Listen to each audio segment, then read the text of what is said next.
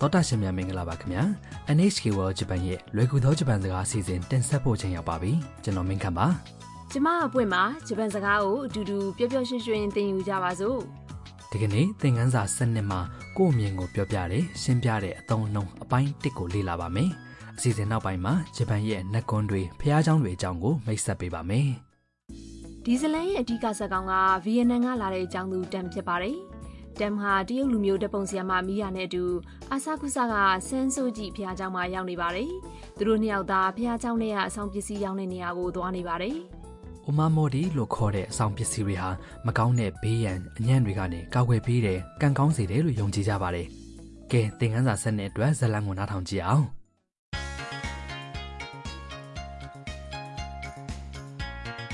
これかわいいお守りですね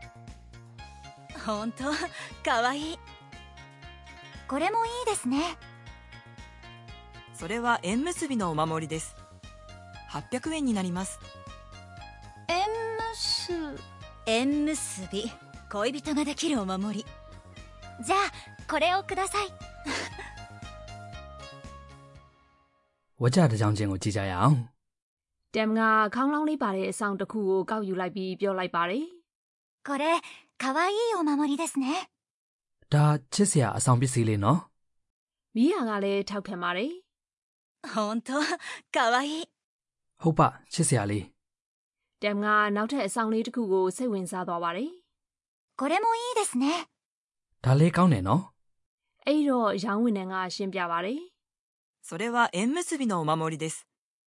အဲ့ဒါကအင်မူဆူဘီအဆောင်ပါ 800円になります ရမ်းရှိရာကြပါတယ် ။တမ်ဟာအရောင်းဝန်ထမ်းပြောလိုက်တာကိုသိချာနားမလဲပါဘူး 縁結 အင်မူဆူ ။မိယာကရှင်းပြပါတယ် 縁結び恋人ができるお守り အင်မူဆူဘီချစ်သူရစီတဲ့အဆောင် ။တမ်ကအဲ့ဒီအဆောင်ပေးပါလို့ရောင်းဝန်ထမ်းကိုပြောလိုက်ပါတယ် じゃあこれをください ဒါဆိုရင်ဒီဟာပေးပါနော်တော်တာရှင်တို့ဤဂျပန်ကအဆောင်ပစ္စည်းတွေမှာစီးပွားရေးအလောက်ကိုင်းအဆင်ပြေစေတဲ့အဆောင်သွားတယ်လာတဲ့အခါမှာအန္တရာယ်ကင်းစေတဲ့အဆောင်ကျောင်းမှာအမှတ်ကောင်းကောင်းရစေတဲ့အဆောင်စသဖြင့်အမျိုးမျိုးရှိပါတယ် ။အဲ့ဒီထဲကနေတမ်ကချစ်သူရစေတဲ့အဆောင်ကိုရွေးလိုက်တာနော် ဒီကနေ့အတွက်အဓိကအသုံးတော့က かわいいお守りですね ချစ်စရာအဆောင်ပစ္စည်းလေးနော်ဖြစ်ပါတယ်။ဒီပုံစံကိုသိသွားပြီဆိုရင်ကိုယ့်ရဲ့ထင်မြင်ချက်ကိုပြောပြတာရှင်းပြတာတွေလုပ်နိုင်မှာဖြစ်ပါတယ်။ကဲတစ်လုံးချင်းအဓိပ္ပာယ်တွေကိုကြည့်အောင် かわいい ။ဆိုတာချစ်စရာကောင်းတယ်ဆိုတဲ့နာမဝိသေသနာပါ お守り ။ဆိုတာအဆောင်ပစ္စည်းဖြစ်ပါတယ်။ဝါကြအဆုံးမှာ です ပါတာကယဉ်ကျေးတဲ့ပုံစံပါ။နောက်ဆုံးမှာ ね လို့ထည့်ပြောတာကတစ်ဖက်လူရဲ့ထောက်ခံမှုကိုလိုလားတယ်ဆိုတာကိုပြသတဲ့သဘောဒါမှမဟုတ်အမြင်ကိုဖလှယ်တဲ့သဘောဖြစ်ပါတယ်ဒီကနေ့အတွက်အဓိကအချက်ကနာမဝိသေသနာတွေအကြောင်းပါ かわいい လိုမျိုး i နဲ့ဆုံးတဲ့နာမဝိသေသနာတွေကို i နာမဝိသေသနာလို့ခေါ်ပါတယ် i နာမဝိသေသနာနဲ့နံကိုအထူးပြုတဲ့အခါမှာ かわいいお守り ချစ်စရာအဆောင်ပစ္စည်းလေးလိုမျိုးနံပုတ်ရဲ့အရှိမဒီအတိုင်းပေါင်းထည့်ရပါမယ် ။ဒါပေမဲ့မိယာကနံပုတ်မပါပဲ။ဟွန်တိုခါဝါယီဟုတ်ပါချစ်စရာလေးလို့ပဲပြောတယ်နော် ဟုတ်ပါတယ် i နာမဝိသေသနာတွေကို かわいい ချစ်စရာကောင်းတယ်ဆိုပြီးသူ့ရည်ပဲလဲတောင်းလို့ရပါတယ်။ဝါကြအဆုံးမှာ ですね ပေါင်းထည့်ပြီး かわいいですね လို့ပြောရင်တော့ပို့ပြီးယဉ်ကျေးသွားပါတယ်။တန်ပြောလိုက်တဲ့ これもいいですね ဒါလဲကောင်းတယ်နော်ဆိုတဲ့အထဲမှာပါတဲ့ いい ကလည်းဤနာမဝိသေသနာပဲဖြစ်ပါတယ် ။သရရှင်တို့နားထောင်ပြီးနောက်ကလိုက်ပြောကြည့်ရအောင် かわいいかわいいですねかわいいお守りですね ။သရရှင်တို့လိုက်ပြောလို့ရကြရဲ့လား။ ။လက်ဆောင်ပစ္စည်းတွေကိုကြည့်ပြီးထင်မြင်ချက်ကိုပြောနေကြတဲ့ဥပမာစကားပြောတွေကိုနားထောင်ကြည့်ပါဦး 見てこの T シャツ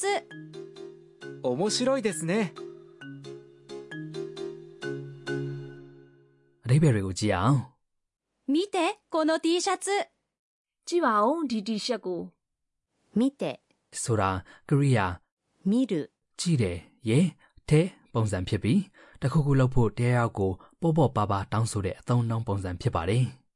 この ဆိုတာဒီ T シャツ、 ဆိုတာတီရှပ်ပါ 面白いですね。 စိတ်ဝင်စားစရာကောင်းတယ်နော် စောစောကပြောခဲ့တဲ့ဤနာမဝိသေသနာကိုတုံးပြီးကိုယ့်ရဲ့အမြင်ကိုပြောထားတာဖြစ်ပါတယ် 面白い、 ဆိုတာစိတ်ဝင်စားစရာကောင်းတယ်ဒါမှမဟုတ်ပျော်စရာကောင်းတယ်ဆိုတဲ့အဓိပ္ပာယ်ပါအဆုံးမှာနဲ့ကိုထည့်ထားတာကအမြင်ချင်းဖလှယ်တဲ့သဘောထောက်ခံမှုကိုတောင်းခံတဲ့သဘောပါ ကဲနားထောင်ပြီးလိုက်ပြောကြည့်ပါဦးသောတာရှင်တို့ရေ 面白い。面白いですね。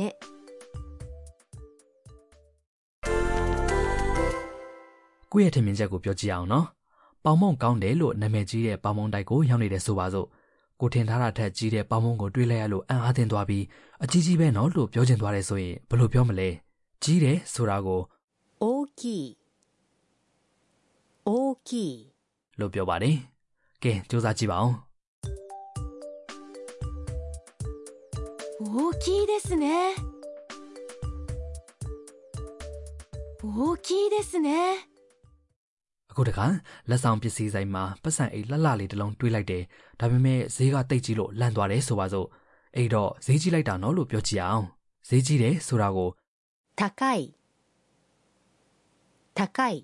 လို့ပြောပါတယ်။ကဲစူးစမ်းကြည့်ပါ 高いですね高いですね ။ဒီကနေ့အတွက်အပိုစုစကားကတန်ပြောတဲ့စကားပါ။အလွတ်မှတ်ထားပြီးသုံးကြည့်ပါနော် これをくださいこれをください。 ။ဆိုတာဒီဟာပေးပါလို့အဓိပ္ပာယ်ရပါတယ်။ ください。 ကတော့ပေးပါဖြစ်ပါတယ်။ဈေးဝယ်တဲ့အခါမှာကိုလိုချင်တဲ့ပစ္စည်းကိုညွန်ပြပြီးဖြစ်ဖြစ်စားတော့ဆိုင်မှာဆိုရင်မင်းနူးတွေကဟင်းပွဲကိုထောက်ပြပြီးတော့ပဲဖြစ်ဖြစ် これをください。 လို့ပြောလိုက်ရင်ဆိုင်ကနားလဲပါတယ် ဒီစကားစုကိုပြောထားတာတွေကိုနားထောင်ကြည့်ပါ これをくださいこれをくださいこれをください အခုသောတာရှင်တို့အလှည့်နော်ပြောကြည့်ပါဦး これをください。 ။ကဲဒီကနေ့ရဲ့ဇာတ်လမ်းကိုနောက်တစ်ချိန်နားထောင်ကြရအောင်။တမ်ကအဆောင်ပစ္စည်းလေးပေါ်သူ့အမြင်ကိုပြောတဲ့အပိုင်းကိုတေချာအယောင်စိုက်ပြီးတော့နားထောင်ပါ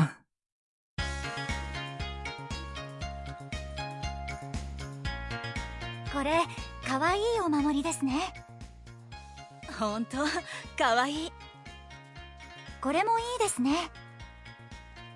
それは縁結びのお守りです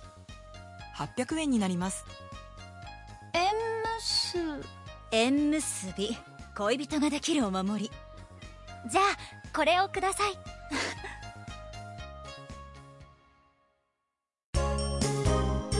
「ミーヤーのトラベルガイド အ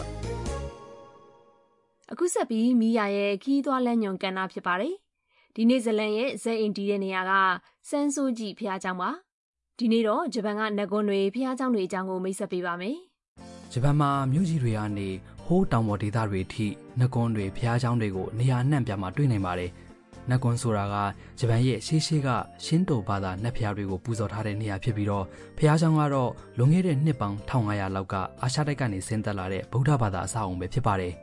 ဒီနဂွန်တွေဖျားเจ้าတွေကနိုင်ငံခြားသားခီးသွွားတွေအတွက်လက်ဖက်စရာနေရာတွေအနေနဲ့လည်းထင်ရှားကြော်ကြရယ်နော် ။ဟုတ်ပါတယ်။ဒီနဂွန်တွေဖျားချောင်းတွေမှာရှိတဲ့ခေတ်အဆက်ဆက်ကနုပညာလက်ရာတွေဤပညာတွေစုဝေးရှိနေတဲ့အဆောက်အအုံတွေဗုဒ္ဓဆင်တုတော်တွေရှေးဟောင်းပစ္စည်းတွေတာယာလှပတဲ့ဥယျာဉ်တွေကိုကြည့်ရှုခန်းစားဖို့အတွက်လာကြတဲ့သူတွေလည်းများတယ်။ တိုကျိုမှာဆိုရင်စန်းဆိုကြည့်ဖျားเจ้าနဲ့မဲကြီးချင်းကူနဂွန်ကနာမည်ကြီးရယ်နော် ဟုတ်တယ်ဂျပန်နောက်ပိုင်းမှာဆိုရင်ဗုဒ္ဓရုပ်ဘွားတော်အကြီးကြီးရှိတဲ့နာရာကထိုးတိုက်ကြီးဘုရားကျောင်းကနာမည်ကြီးတယ်။နောက်ပြီးဒန်ဒိုင်များရဲ့မြေလို့လူသိများတဲ့ရှီမနဲ့ခိုင်ကအီဇမိုထိုက်ရှာနတ်ကုံကလည်းလူသိများပြီးတော့ထင်ရှားတယ်။သောတာရှင်တို့ဒီကနေ့ရဲ့လွယ်ကူသောဂျပန်စကားအစီအစဉ်ကိုနှစ်သက်ကြမယ်ထင်ပါတယ်။ ။နောက်တစ်ပတ်မှာပြန်ဆောင်ကြမယ်နော်။